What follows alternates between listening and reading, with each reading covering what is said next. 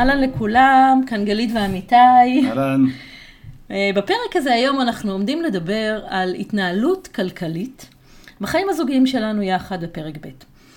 הנושא של אה, התנהלות כלכלית הוא נושא מאוד אה, רגשי, מאוד אמוציונלי. אנחנו מקבלים הרבה מאוד פניות מהרבה מאוד זוגות, שככה שואלים, מתעניינים, מבקשים מאיתנו לדבר על הנושא הזה. ואנחנו יודעים מניסיוננו כמה חשוב לדבר עליו, וכמה חשוב לשים אותו על השולחן, וכמה חשוב שנהיה מסוגלים שנינו, אתה ואני, לדבר עליו. אה, בלי פחדים, האשמות וכולי, כי זה נושא שמציף כל כך הרבה דברים. ומצד שני, אי אפשר לא להתעסק איתו. כי אי אפשר, בסוף אנחנו רוצים לנהל חיים ביחד, בעיקר כשאנחנו מחליטים לאחד את החיים שלנו, אבל לא רק. וזה איזשהו נושא שנמצא שם בחדר. זה אנחנו מסוגלים לדבר עליו. ואם לא מדברים עליו, הוא רק הולך ונהיה יותר טעון ויותר לא נעים, ואז אנחנו מתחילים להניח הנחות אחד לגבי השנייה. בקיצור, זה נושא שאין ברירה, אלא לשים אותו על השולחן ולדבר עליו, גם אם הוא לא נעים, כי כסף זה נושא שאף פעם לא נעים. אז uh, הנה אנחנו שמים אותו על השולחן, ונדבר uh, ככה קצת על האתגרים הרגשיים שיש בהקשר הזה בפרק ב'. וגם ככה ניתן גיידליין ואיזה שהם אה, אה, קווים מנחים לחשיבה ולהתנהלות סביב הדבר הזה. מתוך ניסיוננו, מהעבודה שלנו עם אה, כל כך הרבה זוגות שמגיעים אלינו על הנושאים האלה, בתוך כל, בתוך נושאים נוספים. כן, נוגעת לזה ממקום מעניין, כי על פניו, אני אומר, אומרים כאילו, לכאורה, מה הבעיה? אנחנו רוצים לגור ביחד, זה עולה 20 אלף שקל בחודש, תביא את 10, אני 10, ויאללה. זה כאילו נשמע נורא פשוט. ובאמת, זה, באמת, ברמה הזאת זה לא באמת מסובך. אז למה זה כן מסובך? זה כאילו החלק המעניין. למה אנחנו נכון. מסתבכים? למה אנחנו מרגישים אה, כל מיני רגשות סביב זה, ואכזבות וציפיות וזה? למה יש לנו דילמות בכלל? כן. כי הרי בפרק א' אנחנו עוברים לגור ביחד, לצורך העניין אנחנו מקימים משפחה, יש לנו ילדים, אז יש כאלה שעושים הסכמי ממון, אבל מרבית הזוגות, נורא ברור שאנחנו ביחד בתוך הדבר הזה, מגדלים את הילדים ביחד, מין אה, נורא, פשוט. זה אחד הדברים הטריוויאליים שאנחנו אה, שומעים. זה שברגע שאני עכשיו אה, צריך להתנהל עם כסף בצורה משותפת עם ילדים שהם לא שלי ועם בת זוג, אז נלקח לי חלק מהחופש שהיה לי קודם. זאת אומרת, עד עכשיו זה היה הכסף שלי, הילדים שלי, הדירה שלי, זה היה שלי. הייתי לבד אחרי שהתגרשתי או אחרי שהתאלמנתי, ולא היה אף אחד שהייתי צריך לשאול אותו, להתעניין בו או לקבל אה, את, את רשותו לצורך העניין. וכאילו לכאורה היה לי חופש מוחלט לעשות מה שבא לי. וברגע שאנחנו מתחילים לעשות זה משותף, אז אני כאילו מאבד חלק מהחופש. הצד השני של זה, זה שהחופש הזה להיות לבד, להחליט לבד, משאיר אותי לבד. בדיוק. זאת אומרת, ברגע שאנחנו מתנהלים ככה, אז מתווספת מעל, מרחפת מעל איזו תחושה שאני נשאר לבד. או שאת משאירה אותי לבד, כאילו אם אחד הצדדים אה, מרגיש את זה והשני לא, אז בן הזוג ישר אומר, רגע, אז, אז מה, בעצם את מפרידה כאילו את ההתנהלות, אז איפה היחד, איפה הזוגיות, נכון. איפה המשפחתיות? והרבה פעמים מתווספת המילה, איפה המחויבות? כי בסוף כשאני שם כסף, אני כאילו שם איזושהי מחויבות, וכשאני לא שם, אז לכאורה אני לא מחויב. נכון, אתה אומר שני דברים אה, מאוד חשובים בעצם, זאת אומרת, ישר ככה צללת לעניינים. כי בעצם בפרק ב' אנחנו מגיעים ולכל אחד יש אה, לצורך העניין ילדים משלו, אוקיי? או יש לנו ילד משותף, שזה הילד שלי ושלך. בוא נלך רגע על המקרה הזה שלכל אחד יש ילדים משלו, בסדר? ואנחנו, אה, וכל אחד רוצה להגן על הילדים שלו. והרבה מאוד פעמים זוגות בפרק ב' מחליטים לעשות איזושהי הפרדה, זאת אומרת שכל אחד ידאג לילדים שלו, ואולי יהיה לנו חשבון משותף ונעשה את הוצאות הבית ביחד, אבל יש איזשהו מקום שכל אחד שומר על הילדים שלו. הבעיה היא באמת מה שאתה אומר, שהרבה מאוד פעמים זה משאיר אותי בתחושה של לבד.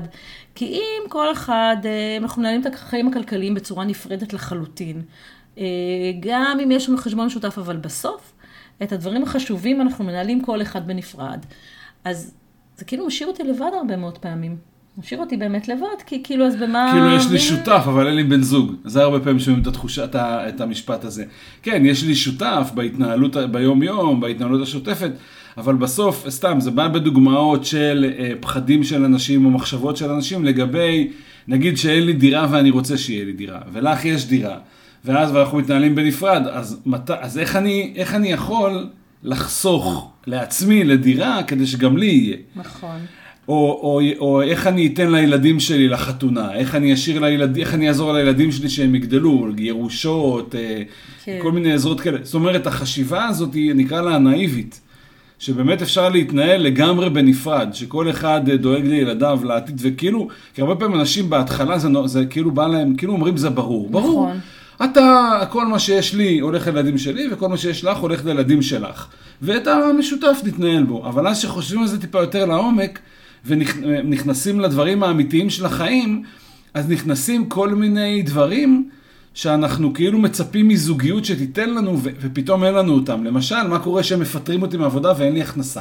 נכון. אז לכאורה אני מצפה שבת הזוג שלי תתמוך בי, אבל אם ההתנהלות שלנו נפרדת, אז מה זה בדיוק התמיכה הזאת? מה, את נותנת לי הלוואה עכשיו?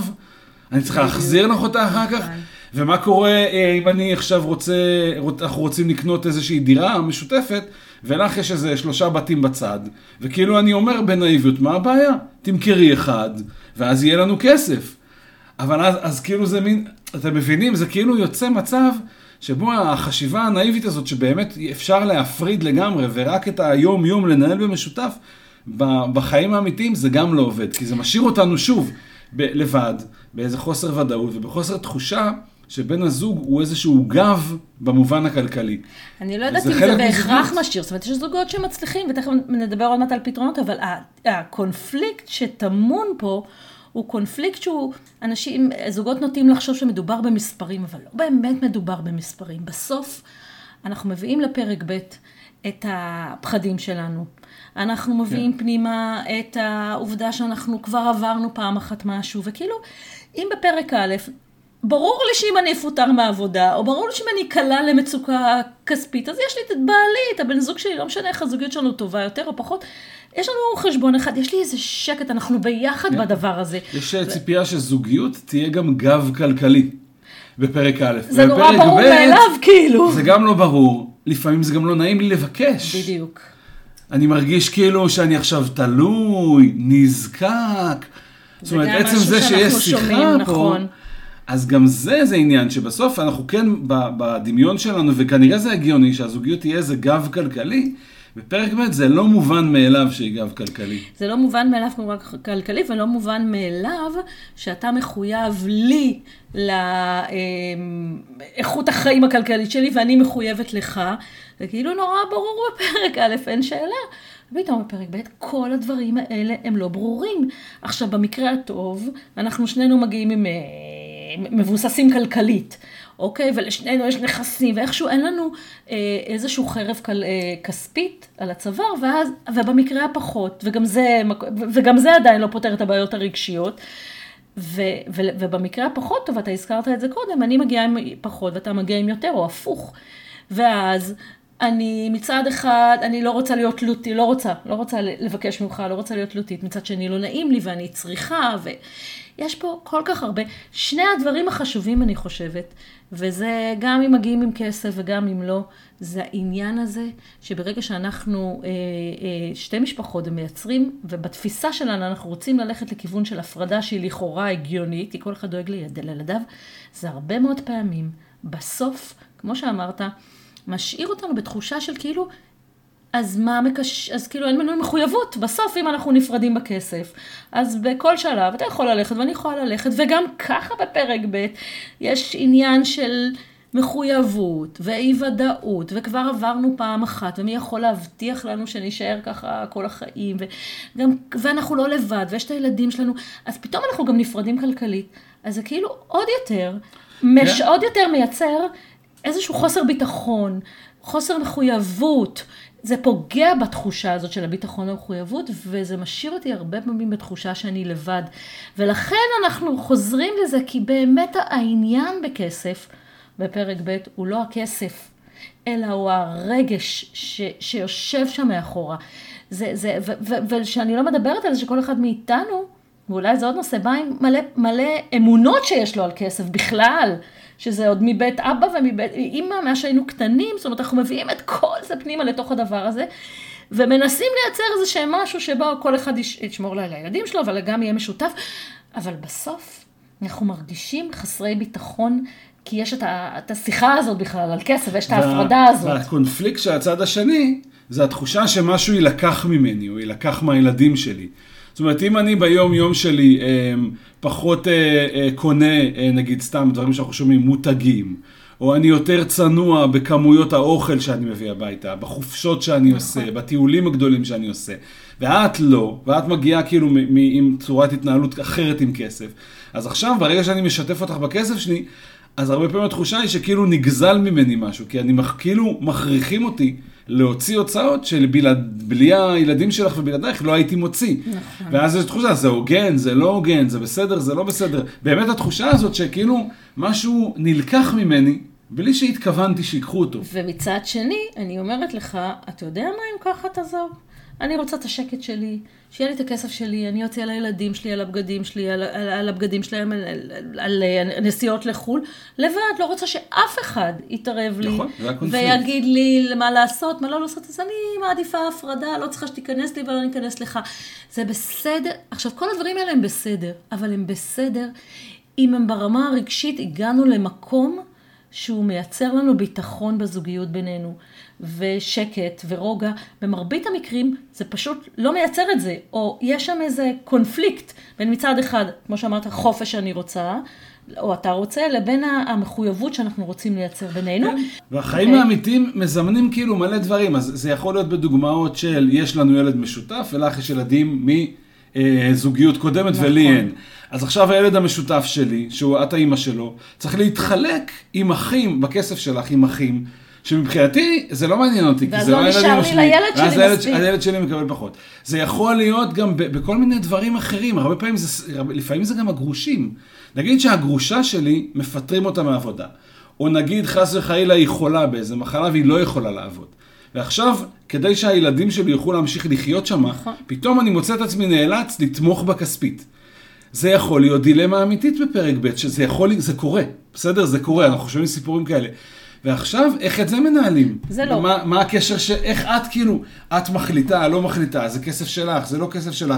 כאילו, מה הגרושה הזאת או הגרוש הזה, מה הם קשורים? הגרושים האלה מנהלים לי גם את החיים כן? הכספיים. זה אפילו לא במצב של קיצון. ביום-יום אתה משלם לה יותר מדי, אתה נותן לה אקסטרות, וזה מעצבן אותי. יכול, אם יש לנו ילדים משותפים זה בא על חשבוני, ואולי גם אם אין לנו ילדים משותפים. אתה שם מעט בבית, אני... ואז מתחילים גם החישובים שלי יש שלושה ילדים ולך יש אחד. וחשמל ומים, ואנחנו נכנסים למין איזה סאגה כזו שאתה משלם רק שליש ואני שני שליש בגלל כמויות ילדים. זאת אומרת, יש הרבה מאוד מאוד דוגמאות, אה, אתה צודק, יש לי עוד דוגמה אחת, חופשות בחו"ל, אני רוצה לנסוע עם הילדים שלי. אבל... אה, אבל אין כסף לכולם. אין כסף לכולם, אז, אז מה, מה עושים? נגיד, אצלנו היה לנו שישה ילדים, אנחנו, אתה ואני, זה, זה שמונה נפשות, זה שתי משפחות, ש, אה, שני חדרים, שני רכבים, אז מה, לא ניסע לחו"ל? כן ניסע לחו"ל? אולי ניסע רק... מה, אולי אני אסע לילדים שלי, אתה עם הילדים שלך? עלתה לא מזמן דילמה בקבוצה שלנו כזאת. נכון. מישהי שנוסעת לחו"ל עם הילדים שלה ורוצה שהבן זוג יצטרף, הילדים שלו, אין כסף לקחת אותם. כי הטיול הזה מגיע מתרומה מסבא וסבתא שההורים שלה. ועכשיו מה עושים? איך מנהלים את זה? אני בא, אני לא בא, הילדים שלי נש... כאילו, בדיוק. נכנס פה המון אלמנט שהוא בכלל רגשי, למרות שאנחנו כאילו מדברים על כסף. בדיוק. אז בעצם מה שאנחנו אומרים, ובוא, אני, אני חושבת שזה ככה חשוב, שבעצם בסוף זה, זה עניין, אה, אה, כמו שאמרנו, עניין רגשי. אני חושבת שבסופו של דבר, ולא משנה מה יהיה הפתרון, ותכף נתקדם הלאה לאיך אנחנו מציעים לנהל שיחה כזאת, ממה אנחנו מציעים להתחיל, מה שלא יהיה, חי... זאת חייבת להיות שיחה זוגית טובה. שיחה זוגית, זוגית שאנחנו, שאנחנו אה, יוצאים ממנה חזקים. זה צריך להיות איזושהי חשיבה זוגית ומהלך זוגי משותף.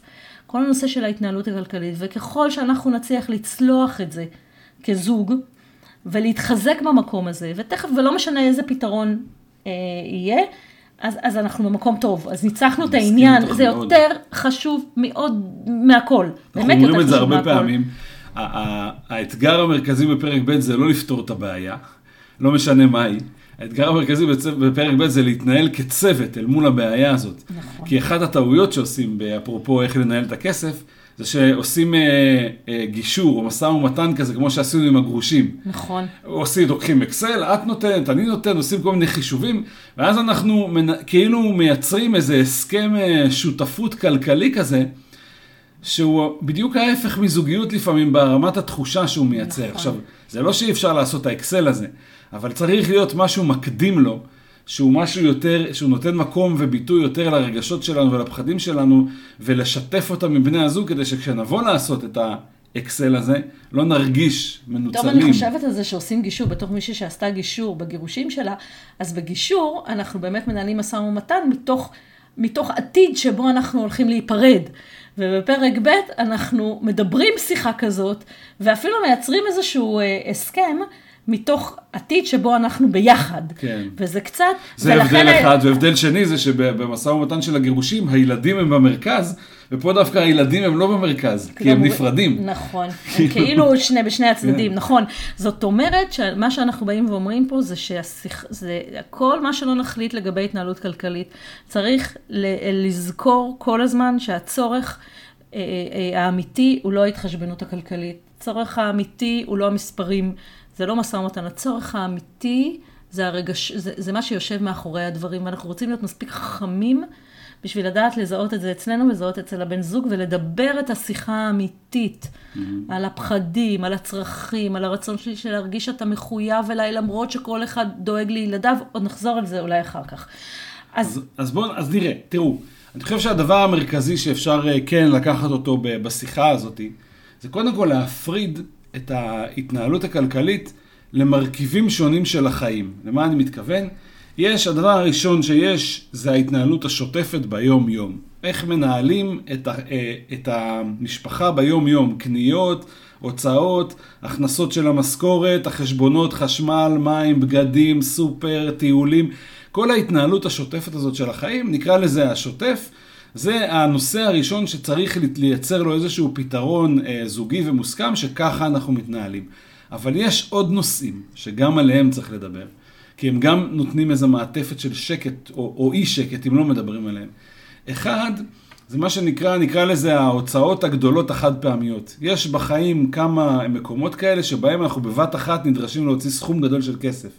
זה יכול להיות בר אה, מצווה. בר מצווה, חתונה של הילדים, שאחד הילדים מתחתן, או אם אנחנו עוזרים לו בלימודים, נכון. אם אנחנו עוזרים לו בשכר דירה, עוזרים לו ברכב, זה כאילו איזה שהן הוצאות כאלה שאנחנו יכולים למצוא את עצמנו בבת אחת מוציאים 20, 40, 100, 200 אלף שקל על איזה, מהכסף ה... חתונה, בר מצווה, מאיזשהו זה בעיקר כסף, כאלה. כן. נכון, אבל, אבל זה חד פעמי. נכון. בסדר? וזה אל מול אחד, בדרך כלל אל מול אחד הילדים, ולא משהו כללי, זה לא של כולם, זה באמת חד פעמי. מצד שני, אנחנו רוצים שיהיה לנו מספיק כדי שהחד פעמי הזה יוכל לחזור על כולם, שלא לילד הראשון ניתן ואז לא יישאר לנו לילדים האחרים. או לא לילדים שלך ניתן ולא יישאר לילדים שלי. אז זה הנושא השני. אני חושב שהנושא השלישי שמשמעותי לדבר עליו, זה מה עושים לגבי הפנסיות שלנו והירושות שאנחנו מקבלים. וזה גם נושא מעניין, ואני רק אגיד, הוא, הוא מעניין בהיבט, שאני לא יודע אם חשבתם על זה, אבל בגיל הזה שאנחנו מדברים עליו, שאנחנו 65, 75, 80, כן? שאנחנו מגיעים לגיל הזה ביחד, כזוג. הילדים של שנינו נמצאים בדרך כלל בחיים בשלב שבו הם בשיא היכולת שלהם להשתכר, ולעומת זאת אנחנו נמצאים בשלב של החיים שלנו שבו אנחנו במקום הכי נמוך ביכולת שלנו להשתכר. ואם בשלב הזה אחד מאיתנו נפטר, וכל הכסף שלו עובר לילדים שלו, או אפילו רק 50% מהכסף שלו עובר לילדים שלו באותו רגע, בן הזוג השני עלול למצוא את עצמו במצב מאוד קשה כלכלית לחיות. אמ, וצריך גם על זה לתת תשומת לב. כי, כי, כי כאילו זה נשמע נורא הוגן, בטח, הדבר הכי הוגן, 50 אחוז לה, 50 אחוז לילדים. אבל ה-50 אחוז הזה, הוא, הוא לפעמים משאיר את בן הזוג באמת במצב ש, שהוא ממש קשה לו להתקיים. ולא בטוח שתמיד זה הפתרון, אז, אז אני לא יודע מה כן, אבל גם זה משהו שצריך לחשוב עליו באיזה שלב, כי, כי האינסטינקט שלנו שאנחנו צריכים לדאוג לילדים, דווקא בשלב הזה הוא לא בהכרח הדבר הכי חשוב כרגע. נכון. הם כבר דואגים לעצמם בשלב הזה. אז בעצם אתה אומר, בואו נתחיל רגע בלהסתכל על כל ההתנהלות הכלכלית שלנו ונחלק אותה לשלושה תחומים. תחום אחד זה ה, אה, מה הולך לקרות בפנסיה וירושות. תחום שני זה ההוצאות הגדולות של החיים, שאמרנו, אה, חתונות, בר מצוות, אה, תשלום ללימודים, ויש את כל השוטף, בסדר? של, של התנהלות, של בית, של חיים משותפים. אלה שלושת התחומים. ויש את כל מה שכל אחד, דרך אגב, יש עוד תחום רביעי, אני חושבת שכל מה שכל אחד הגיע איתו אה, לפני שהתחברנו, אה, זה עוד איזשהו משהו, נראה לי שפה זה די ברור, זה כאילו לכל אחד יש... זה בדרך כלל מתחבר לפנסיות בסוף. בסוף מתחבר לפנסיות, אוקיי. או להוצאות החד פעמים, זה מתחבר אוקיי. לאנשהו הכסף. אז אתה אומר, אלה שלושת הדברים. אז בואו נעשה, קודם כל בואו, ואנחנו גם מציעים לכם להפריד את השיחות. בואו נדבר בנפרד על הירושות והפנסיות, בואו נדבר בנפרד על הוצאות גדולות, ובואו נדבר אה, בנפרד על הוצאות שוטפות. זאת אומרת, לגבי כל אחד, נמצא לעצמנו את המנגנונים ואת דרכי החשיבה, ונצליח לנהל שם שיחה זוגית טובה לגבי כל אחד, ויכול להיות ש... ש... ו... ו... וכל אחד בנפרד. אז זה קודם כל, זה כבר עושה איזשהו, אני חושבת איזשהו סדר בראש. כן. כי כשמנסים לדבר על הכל, על הכל, הכל, נהיה מין איזה בלאגן, אז בואו נחליט שמדברים רגע על השוטף נגיד. בואו נתחיל מה... איך מנהל... אז אוקיי, אז איך מנהלים את השוטף? אז אני חוזר בהתחלה דווקא למה שאמרנו קודם. זאת אומרת, המטרה של השיחה על ההתנהלות השוטפת, היא לא רק להגיע לאיזושהי חלוקה מספרית של כמה כל אחד כסף מכניס ואיך מחליטים מה להוציא, אלא היא בראש ובראשונה שיחה שמטרתה לנטרל את כל הפחדים והאמונות ש, שיש לנו אה, בהתנהלות שלנו לגבי כסף, ובאמת זה, הכותרות, אני, הכותרות הן לא מסובכות, בסדר? יש, אני יכול למצוא את עצמי מרגיש נזקק, כי אני יש לי פחות לשים. אני יודע שבשביל, סתם, נזרוק מספרים, נגיד שבשביל לחיות טוב אנחנו צריכים 30 אלף שקל בחודש, ואני יודע שאני מקסימום יכול לשים 10, 11, אין לי 15, אין לי חצי. Okay. אוקיי. ואז אני מרגיש שאני מגיע לשיחה בחוסר שוויון איתך, בעמדת נחיתות. כי אני נזקק, לא נעים לי, אני יודע שזה מה שאנחנו רוצים, אני יודע שאני לא מסוגל. ואז כאילו אני מין מגיע לשיחה, מתנצל, לא נעים, לפעמים אנשים מרגישים את, באמת, אמ, אמרו לי פעם כל מיני כאלה, בעל המאה, בעל הדעה, אמ, אני לא רוצה להיות תלוי, אני לא רוצה להרגיש שאני נזקק, אין, מה יש לי להגיד, ממילא לי אין כסף. והצד השני עלול למצוא את עצמו מרגיש שלוקחים לו, גוזלים לו, עושקים אותו, אמ, כל מיני תחושות כאלה. ואנחנו לא, אי אפשר לחיות עם התחושות האלה לאורך זמן. זאת אומרת, אם בסוף הסידור הזה אחד מאיתנו מרגיש שלוקחים לו, או אחד מאיתנו מרגיש שהוא מקבל משהו שלא אה, מגיע לו, אז אנחנו, אה, זה לא יחזיק מעמד. אוקיי, נכון. בסדר? ולכן לא משנה איזה סידור מספרי תמצאו, זה פשוט לא יחזיק. אז אני חושב שהדבר הראשון בשיחה הזאת, היא רגע אחד, לפת... לעזוב שנייה את המספרים ואת החישובים, ורגע אחד, אה, כל אחד להסתכל פנימה על עצמו ולשאול את עצמי מה אני מרגיש לגבי השיחה הזאת. ופשוט להגיד את כל מה שעולה בכם לבן הזוג שהוא ידע. מה התחושות שיש לי עכשיו שאנחנו באים לדבר על זה? מה הפחדים שיש לי עכשיו? מה הדבר שאני הכי חושש ממנו? כן. מה הדבר שאני הכי אה, רוצה שיקרה? מה, כאילו, גם הדברים המשמחים, גם הדברים הטובים שאנחנו מרגישים לגבי זה. הרבה פעמים אנשים מרגישים הזדמנות ו- ויכולת ולשיחה הזאת צריך לפנות זמן, צריך לפנות מקום, צריך לבוא לסקרנים. אנחנו רוצים ללמוד על בן הזוג שלנו, מה באמת מנהל אותו ברמה הרגשית בשיחות האלה, לפני שאנחנו בכלל באים לעשות את השיחה. נכון. ואז אני חושבת, נכון. עכשיו בוא נדבר על, אה, אה, על, על איך, על כמה מודלים של התנהלות אה, של חיים משותפים. אז יש כאלה שמחליטים לקחת את כל המשכורת שלי ושלך, הכל ביחד, לשים בחשבון משותף, וזהו, לפתור את כל העניינים, ולהגיד הכל יוצא משם, הגל הילדים שלי, על הילדים שלך, שכר דירה, קניות, הכל ביחד, כמו לצורך העניין זוג בפרק א', זה מודל אחד. מודל אחר הוא שאנחנו מחליט, מסתכלים מה הם הוצאות הבית, ואז מחליטים שיש חשבון משותף, או, וכל אחד שם, מזרים פנימה לתוך החשבון הזה שממנו מתנהלים את אה, הוצאות הבית והחיים המשותפים, ולכל אחד יש גם את החשבון שלו, שבו הוא אה, מתעסק ב, בילדים שלו, בגדים, חוגים, נעליים, לא משנה מה. זה מודל שני. איך מנהלים את המודל הזה? אז לפעמים זה, אה, אנחנו אה, עושים טבלת אקסל אחת לחודשיים ומתחשבנים בינינו, בסדר? כמה אתה צריך להעביר וכמה אני צריך להעביר לך. החלטנו מראש מה נכנס פנימה לתוך החשבון המשותף ומה כל אחד אחראי על ילדיו. יש תתי מודלים, תתי נושאים בתוך המודל הזה, כי, כי כמה שמים על החשבון המשותף של הבית. נגיד אני באה רק עם ילד אחד, ילד שלי בא פעם בשבועיים והילדים שלך נמצאים פה כל הזמן. אז יש כאלה שלא עושים את ההתחשבנות הזאת. וגם מה זה בכלל הוצאות משותפות ומה זה הוצאות נפרדות. בדיוק. זאת אומרת, בוא נדבר אולי גם על קצת רווחים וחסרונות של כל מודל. אז המודל הראשון שאמרת, שבו שמים את כל, מחליטים כמו פרק א', מאחדים את החיים לגמרי. כל מה ששלי שלך, כל מה ששלך שלי, הכל משותף, בסדר? כשאנחנו באים למודל הזה, אנחנו צריכים לקחת בחשבון שאנחנו מתערבבים אה, מעכשיו ועד סוף חיינו, אה, בדיוק כמו שעשינו בפרק א', יש לזה הרבה יתרונות, בגלל שאין יותר שיחה, לא צריך יותר לנהל שיחה על כסף, איך מנהלים, פשוט זה ברור, הכל משותף. מצד שני, מעכשיו והלאה, הכל מקבלים החלטות ביחד. אמ, אני יותר שום דבר לא יכול להחליט בלעדייך, ואת לא יכולה להחליט בלעדיי, אז נוצרת איזושהי מחויבות כזאתי, אבל היא גם טיפה מגבילה, בסדר? כי אני לא יכול סתם להחליט שאני מוציא כסף על הילדים שלי, כי הכל משותף. אז עכשיו אני צריך את הסכמתך לצורך העניין. אז בהקשר הזה לפעמים קובעים איזשהו סכום, נגיד, שממנו ומטה, נגיד, מתחת אלף שקל, אני אעשה מה שאני רוצה, מעל, אני אתייעץ איתך, סתם. נכון. אבל זה, זה המודל הראשון שבו הכל משותף. המודל השני שהצעת זה בעצם אומר, אנחנו פותחים חשבון בנק שמתוכו מנהלים את ההוצאות המשותפות.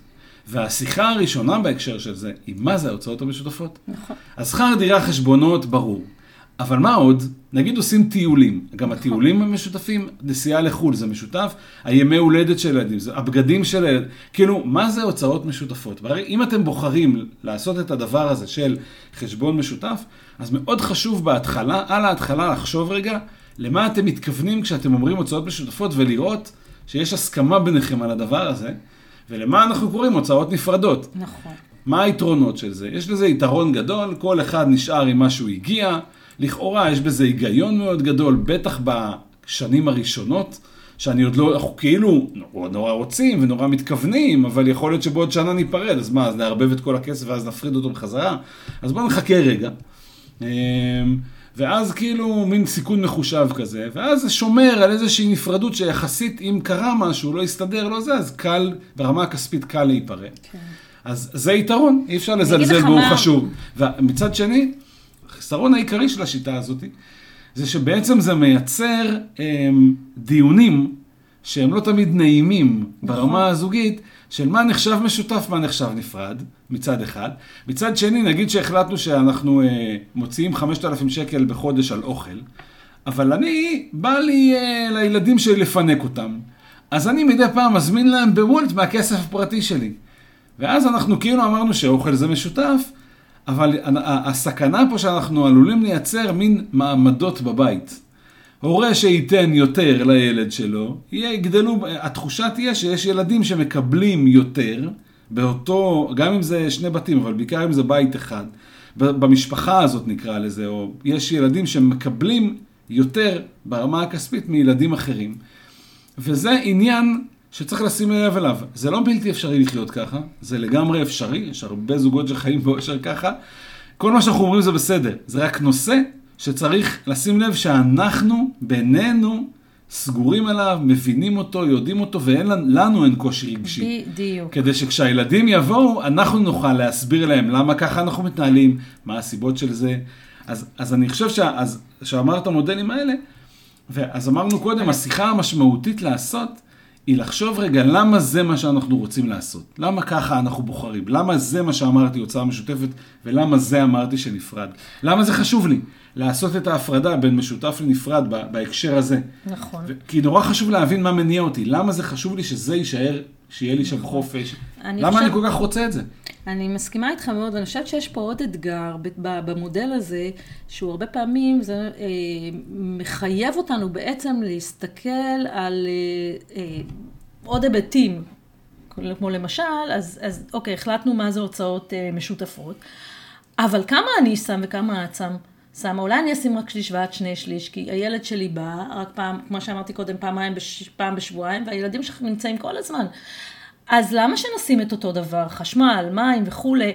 אז אפשר, ואז נכנסים, אוקיי, אז ארנונה משותף, אבל מים לא, אז חשמל לא, שליש, שני שליש, אפשר. אבל מה הבעיה פה? הבעיה היא שבו הרבה, פה הרבה מאוד פעמים נכנס עוד איזשהו אלמנט, אוקיי? שאתה אולי הולך לעבודה ומרוויח ולא נמצא בבית, ואני אולי מביאה פחות כסף, אבל מצד שני, אני נמצאת בבית. כשאתה יוצא לעבודה. אני אה, אה, מנקה ואני פה ואני מטפלת בילדים ואולי אני אפילו מקבלת אותם מבית ספר ואני נותנת לך איזשהו גב וזה אולי גם שווה כסף. זאת אומרת, אומרת שיש לא דברים מביאה... שלא נמדד, אי אפשר למדוד אותם בעצם בכסף. בדיוק. בדיוק, לא בהכרח ידעו מה, נכון? בדיוק, ואז, אז, אז, אוקיי, אז אני מביאה אז פחות כסף, אבל מצד שני כל מה שאני מביאה שווה כסף. אז גם זה איזשהו משהו שנכנס לתוך אה, שיחה. כן, אז אני חושב, הרעיון במה שאנחנו אומרים זה לא להגיד שיש פה בעיה ש, שצריך להימנע מזה, אלא לתת לכם נקודות ש, שתחשבו עליהן, איך אתם אה, נותנים להם מענה כשאתם באים לעשות החלוקה הזאת. גם, גם תזכרו תמיד, בסוף אנחנו כולנו מאוד אוהבים לתת, אבל אף אחד לא אוהב שלוקחים לו. וגם זה חלק מהשיחה פה. זאת אומרת, אם אנחנו מבינים שאנחנו צריכים, שוב, אני אגיד, 30 אלף שקל בשביל לחיות, ואת תבואי ותגיד לי, אבל תקשיב, אני, רוצ... אני חושבת שאתה צריך לשים 20, כי לך יש יותר. ואז אז ברגע שאת אומרת את זה, את, אנחנו מייצרת איזו התנגדות כזה, כי אני עכשיו עלול להרגיש שלוקחים ממני משהו. בעוד שהשיחה היותר משמעותית בעיניי, והדרך לעשות את זה, זה להתחיל בלשאול את עצמנו, אוקיי, מה אנחנו, הגדרנו מה ההוצאות המשותפות, בואו נמדוד בכ, בכסף כמה זה. ונגיע למספר, ולא משנה איזה מספר הגענו. הגענו ל-25,000 שקל, זה ההוצאות המשותפות. נניח. עכשיו, כל אחד הולך ועושה עם עצמו את החשיבה, מה אני מסוגל לשים, את המקסימום שהוא יכול, לטובת העניין הזה. נגיד אני אבוא, אגיד, אני יכול לשים 10. את תבואי, תגידי, אני יכולה לשים 13. אז זה לא מגיע ל-25, זה 23. נכון. אז עכשיו עושים אחד משתיים.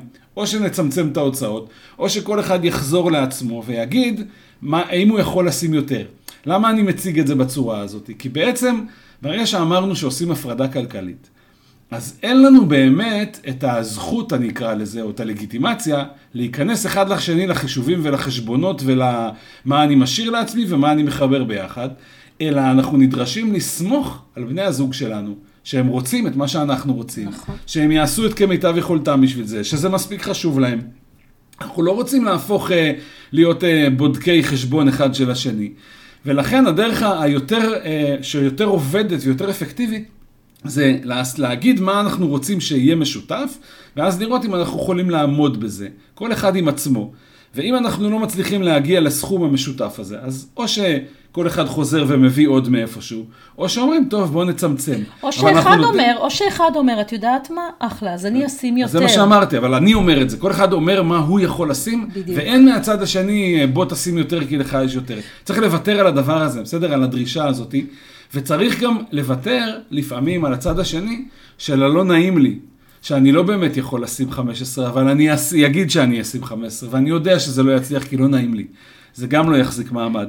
זאת אומרת, אתם צריכים להיות מאוד אה, כנים עם בני הזוג שלכם ועם עצמכם קודם כל, לגבי עד כמה באמת האילוץ הכספי שאתם רוצים לקחת על עצמכם, המחויבות הזאת היא באמת אפשרית, ומאוד לסמוך אחד על השני שאנחנו יודעים מה אנחנו עושים. זה קריטי בתהליך הזה, כשהלכנו להפרדה, קריטי מאוד שנסמוך אחד על השני. עכשיו כן אני אגיד, הרבה פעמים, כדי להשיג את הלסמוך הזה, צריכה להיות שם שקיפות מאוד גדולה. אם את לא יודעת איך נראים החשבונות בנק שלי, ממש. מה אני מרוויח, נכון. ואיזה השקעות יש לי, לא תוכלי לסמוך עליי. זה לא יעזור. מה שתגידו, זה לא יעבוד. בשביל שאני אוכל לסמוך, בשביל לסמוך אחד על השני, חייבת להיות שם שקיפות. איזה החלטות אני עושה עם הכסף שלי, זכותי. אבל קודם כל שתדעי כל מה שהולך אצלי, כי אחרת איך את יכולה לסמוך עליי אם אני מסתיר ממך דברים. וזה דרך אגב נכון בכל האלמנטים בזוגיות בעיניי, אבל בטח בכסף. לא יכול להיות סודות בינינו אם אנחנו רוצים לסמוך אחד על השני. אז נכון, אני מסכימה איתך מאוד, ואני חושבת שאמרת, ההצעה הזו, המחשבה הזו, שקודם בוא נראה כמה אנחנו צריכים בעצם, לא סתם, בוא נראה כמה זה עולה לנו, ואז כמה כל אחד יכול להביא. ואז אם אני רוצה, אני מביא יותר, ויכול להיות ש... אני גם חושב על זה בצורה הזאת, שבה את, סתם אני נותנת זכר נקבה, זה יכול להיות הפוך. אה, את אולי לא מביאה, אבל את מביאה משהו שהוא שווה גם כסף, ואי אפשר לכמת אותו. הדבר הזה הוא מאוד מאוד חשוב. עכשיו, אני חושבת אה, שבסופו של דבר, וזה גם כן חשוב להגיד, לא משנה איזה מנגנון החלטנו עליו, אוקיי?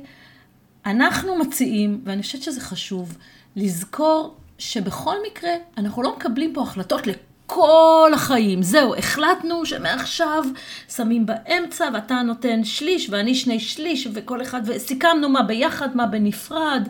אה, הייתה שיחה זוגית טובה. בסוף, אנחנו לא מקבלים פה החלטה שהיא בלתי הפיכה. להפך, בוא נחליט שאנחנו לוקחים עכשיו איזה חצי שנה ומתחילים להתנהל לפי המנגנון שקבענו. בין אם זה הכל ביחד, או בין אם בנפרד, לא משנה מה החלטנו. בואו נחליט ונצא לדרך. ונחליט שנגיד בעוד חצי שנה, אנחנו נפגשים שוב. ובחצי שנה הזו בואו נראה כל אחד איך הוא מרגיש בתוך, זה סתם נתתי חצי שנה, זה יכול להיות שלושה חודשים, זה יכול להיות שנה. לא משנה, משהו ש... זאת אומרת, אנחנו מסתכלים ושמים לצורך העניין, כמו במשכנתה, סתם אני אומרת תחנת יציאה במרכאות, מוגדרת מראש. זה נורא חשוב. ובמהלך הזמן הזה, אנחנו רגע שמים בצד את כל המחשבות וחיים את מה שהחלטנו. וכל אחד שם לב איך הוא מרגיש, האם זה טוב לו, האם זה לא טוב לו. יכול להיות שבנושא הזה החלטנו שאנחנו, זה יהיה הוצאה משותפת, אבל אני מרגיש שלא, שבעצם אני רוצה שזה יהיה בנפרד או הפוך. יכול להיות שהחלטנו שהכל ביחד וזה מרגיש לי לא נוח. כל אחד שם לב איך הוא מרגיש. מה התחושות שלו, האם זה מתאים לו, האם זה לא מתאים לו, מה זה מעורר בו. בוא, בוא נתנסה בתוך המגרש אימונים הזה, זה מגרש חדש, מעולם לא עשינו את זה. אז אנחנו רוצים רגע לתת לעצמנו את האפשרות לבחון, להתאמן, לראות, להיות בתוך איזושהי אי ודאות, וניפגש בעוד חצי שנה, בכוונה אני שם רגע, ובוא, ואז נשב ונסתכל ונראה אם מתאים לנו, לא מתאים לנו, איך אתה מרגיש, מה אתה מרגיש, מה זה גורם לך, מה זה גורם לי, ואז אם צריך, נעשה שינוי. מותר לשנות מודל, מותר לשנות התנהלות, ונחליט, ויכול להיות שהדברים השת... השתנו בחיים שלנו. אז, ואז נחליט על עוד חצי שנה, עוד שנה קדימה. מותר, וזה בסדר לעבוד באינטרוולים קצרים, זה מאוד מרגיע, כי המחשבה שעכשיו אנחנו עושים איזה הסכם, חוזה, מחליטים, וזה מאוד מלחיצה. אז לא, לא, אנחנו אומרים לכם, זה בסדר לעשות, להתאמן, לראות, להיפגש עוד תקופה, אני רוצה לשמוע איך, זה, איך אתה מרגיש בתוך זה, מה אתה מרגיש, מה אני מרגישה, האם מתאים לנו, ואז לעשות שינוי אם צריך. הדבר הזה הוא מאוד מאוד מאוד מאוד חשוב. לגמרי, ואני חושב בהקשר הזה, עוד דבר שקשור ב, בהתנהלות הזאת, שהיא מין משותפת, יש הפרדה ומשותף, היא התנהלות שנקרא לה חופשות משפחתיות, שגם זה אני רוצה רגע לדבר, כי בסוף זה די דומה, אני אסביר למה אני מתכוון. כדי, כדי שאנחנו יוצאים לחופשה משפחתית משותפת, אז גם זה יכול, זה לא, לא בהכרח היה חלק מסל ההוצאות המשותף, אבל אם החופשה היא משפחתית, אז אנחנו רוצים לייצר אותה ככזאת. ואז הדרך שבה אנחנו מתכננים את זה כלכלית היא דרך מאוד דומה. זאת אומרת, אנחנו אומרים, זאת החופשה שאנחנו רוצים לעשות, אנחנו בודקים כמה כסף זה יעלה לנו וקובעים איזושהי מסגרת של תקציב לחופשה. נגיד, זה הולך לעלות 5,000 דולר. ועכשיו אנחנו רואים שיש לנו איך לממן את ה-5,000 דולר הזה, אבל במהלך החופשה אנחנו מתנהלים הכל מהכסף המשותף הזה. לא מביאים כסף פרטי, אני אקרא לזה מהצד, שבו שוב יש, אה, לכולם יש אותו דבר, אבל ברגע, פתאום יש רגע שבו אה, חלק מהילדים פתאום יש להם וחלק מהילדים אין להם. אז אנחנו גם בעניין הזה, כשבאים לייצר איזשהו אה, חופשה משפחתית או איזשהו אירוע משפחתי, אנחנו רוצים לוודא שגם שם אנחנו מתנהלים בתוך האירוע בצורה משותפת ביחד. אה, וזה, ובסוף זה מתנהל בצורה דומה, כמו שהצענו לנהל את התקציב המשותף, בהיבט של אה, מסגרת, וכל אחד בודק מה הוא יכול לשים בשביל שהמסגרת הזאת תוכל להתקיים. אה, מעולה. אז אם אנחנו רגע מסכמים את מה שאמרנו בנקודות, וחשוב שמי שמאזין ככה יעבור איתנו, אז אחת, קודם כל אמרנו, הדבר אולי הכי חשוב, לזכור שכשאנחנו באים לדבר על מודל כלכלי, על התנהלות כלכלית, זה אף פעם לא שיחה של מספרים. אנחנו רוצים להיות יותר חכמים, אנחנו לא רוצים לדבר על פני השטח, אלא באמת לזכור שהשיחה הזו היא שיחה על רגשות בסוף. ואנחנו רוצים להיות מסוגלים להקשיב ל... ל, זאת אומרת, יותר מזה, זה לא, אנחנו לא רוצים לדבר על מספרים ולהיות יותר חכמים. אנחנו רוצים רגע לשים את המספרים בצד. נכון. ולדבר על הרגשות שלנו. ככה נכון. מתחילה השיחה. נכון. זה, היא צריכה להיות שיחה מפורשת על מה זה גורם, על מה זה גורם לי להרגיש, mm-hmm. מה אני חושב על זה, מה התפיסות שלי לגבי זה. ונכון. וכולל נכון. הדברים הלא נעימים. נכון. שאני מרגיש שאני נותן לך יותר ממה שאני מקבל, ואני מרגיש שאת גוזלת מהילדים שלי, או אני מרגיש שאני אה, נזקק ולא מגיע לי, אני מרגיש שאני לא לבד, נעים, אני מרגיש שאין מחויבות. הכל, כל מה שעולה תגידו, כי אם לא, זה ממילא עולה, זה ממילא קיים שם, עדיף שזה יהיה על פני השטח מאשר מבעבע מתחת. נכון. ולזכור שכל אחד מאיתנו מגיע עם האמונות שלו, עם הפחדים שלו לגבי כסף. זאת אומרת, לא רק ששיחה כזאת היא לא תרחיק בינינו, היא רק להפך תקרב, תקרב עוד ועוד ועוד. ואנחנו, אני מזכירה שוב, אנחנו לא רוצים להגיע למצב שבו אנחנו מתנהלים כלכלית בצורה מסוימת, אבל כל אחד מאיתנו מרגיש לבד, או כל אחד מאיתנו מרגיש חסר ביטחון, או שאין מחויבות בינינו. יכול להיות שאנחנו לא יכולים לייצר מחויבות בכסף, אבל נייצר מחויבות בדרך אחרת, אבל אנחנו צריכים לדבר על זה. אני מרגישה ש, שאין לך מחויבות, כי, כי אתה יכול ללכת בכל שלב, ואני יכולה ללכת בכל שלב. אחלה, אז בואו נדבר על זה. אז אולי ברמה הכלכלית לא נמצא לזה פתרון, או נמצא לזה פתרון בדרך אחרת. אחרת, גם זאת אפשרות. אבל חייבים לדבר על הרגשות שלנו או שנמצא איך במנגנון הכלכלי, גם זה נכנס. גם, נכון. אז זה דבר אחד, לזכור, לזכור תמיד לדבר על הדברים האלה. הדבר, ולהפך, זה יחבר בינינו.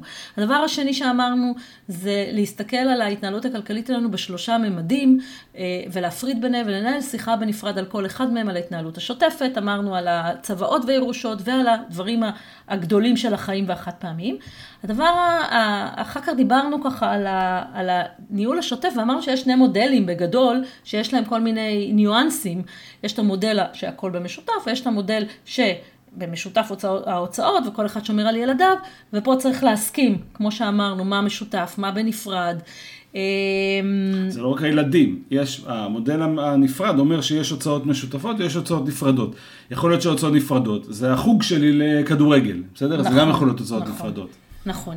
אז חשוב מאוד מאוד לעשות את השיחה הזאת, וגם פה, גם פה, לזכור כל הזמן שאנחנו רוצים להקשיב, זה לא שיחה על, על אה, עקרונות, זה שיחה על צרכים, זה לא שיחה על דעות, זה לא משא ומתן כספי, זה שיחה על צורך שלי וצורך שלך. השיחה חייבת לרדת לרמה של צרכים, רגשי. צורך רגשי. זה, זה, זה כל כך חשוב לדבר על זה, ולזכור שאנחנו בסופו של דבר, איזה מודל שלא נחליט, הוא מודל שאנחנו מתנסים בו, זה ניסוי וטעייה. זה אנחנו נכנסים אליו, עובדים באינטרוולים מוגדרים מראש, לבדוק מה כל אחד מרגיש, ונפגשים שוב כדי לדייק ולסדר את זה, וגם אז השיחה היא שיחה על צרכים. ובסופו של דבר, הדבר הכי חשוב, היא, היא שבאמת, לא משנה מה יהיה, נייצר בינינו את התחושה הזו של מחויבות, שאנחנו מחויבים לזוגיות הזאת, של ביטחון של כל אחד מאיתנו, של תחושה שאנחנו לא מחנות, מחנות נפרדים, תחושה שאני לא, אנחנו לא, כל אחד דואג לענייניו. הדבר הזה של לייצר בינינו ביטחון. הוא כל כך משמעותי, אנחנו חייבים להיות מסוגלים בפרק ב' להחזיק את שני הקצוות האלה. גם להתנהל כלכלית בצורה שהיא הגיונית לנו ונותנת לכל אחד תחושה של ביטחון מול ילדיו, אבל גם מייצרת ביטחון בינינו, ומחויבות וקרקע יציבה. זה כל כך, כל כך, כל כך חשוב. כי בסוף הבסיס לכל הפרק ב' זה אתה ואני סומכים אחד על השני, בוטחים אחד בשני, ויודעים שגם אם אנחנו, אין לנו חשבון אחד משותף, אנחנו, יש לנו ביטחון אחד בשני, ואנחנו הולכים להיות ביחד כל החיים, בחוויה הרגשית. אז זה הדבר שאולי הכי חשוב בכלל בכל שיחה זוגית, שיחה זוגית, בטח שיחה על כסף. נראה לי שאנחנו ככה אה, נסיים את הפרק הזה, ומאוד נשמח לשמוע מכם. מה לקחתם מהפרק הזה? איך הוא היה לכם משמעותי? מה ככה התובנה, האסימון שנפל לכם? איך הוא דייק אתכם? אני רוצה להגיד לכם שנושא של כסף זה נושא שאפשר לדבר עליו בתחילת הקשר, אפשר, כמו שאמרתי, אחר כך ובכל שלב. אל תברחו משיחה כזאת, אל תברחו. ואל תטאטאו מתחת לפני השטח, חייבים לעשות גם אם היא לא נעימה. אז אנחנו מאוד נשמח לשמוע מה לקחתם מזה. תכתבו לנו אה, בקבוצה, בפייסבוק, אתם יכולים, אה, מי שעוד לא נמצא בה, אז תצטרפו אלינו, משלבים זוגיות ומשפחה בפרק ב' עם גלית ועמיתי. אם יש לכם עוד שאלות, עוד דברים שאתם רוצים, תשאלו אותנו. אנחנו רוצים אה, אה, lסיים ולהגיד לכם, אתם יודעים, באמת באמת שאנחנו אנשים, כולנו, חכמים, אינטליגנטים, עם יכולות, השגנו דברים בחיים. אנחנו יודעים לשים ככה מטרות מול העיניים ולהגיע אליהם. יש לנו הרבה מאוד גמישות מחשבתית לכולנו. ואנחנו, אתה ואני, כל אחד מביא את המשאבים שלו ואת היכולות שלו פנימה לתוך הזוגיות הזאת. זה המון המון המון המון משאבים. באמת באמת שאנחנו מסוגלים להרים הרים וגבעות. ויש לנו את כל המשאבים. אנחנו עושים דברים טובים. דובים ש, שיש בהם אהבה וחברות ושיתוף, אנחנו באמת באמת עושים הכי טוב שאנחנו יכולים, ומייצרים מקום טוב לילדים שלנו, ואנחנו גדלים יחד בתוך הדבר הזה. אז, אז יש לנו, יש לנו את כל המשאבים לכולנו לייצר את כל מה שאנחנו רוצים, וזכינו, זכינו בפרק ב' הזה. זכינו לאהוב, זכינו לבנות חיים, זכינו, ויש לנו את ה... ומגיע לנו לחיות ביחד, להזדקן ביחד ולהגשים את עצמנו. אז נתראה בפודקאסט הבא. להתראות. ביי. ביי ביי.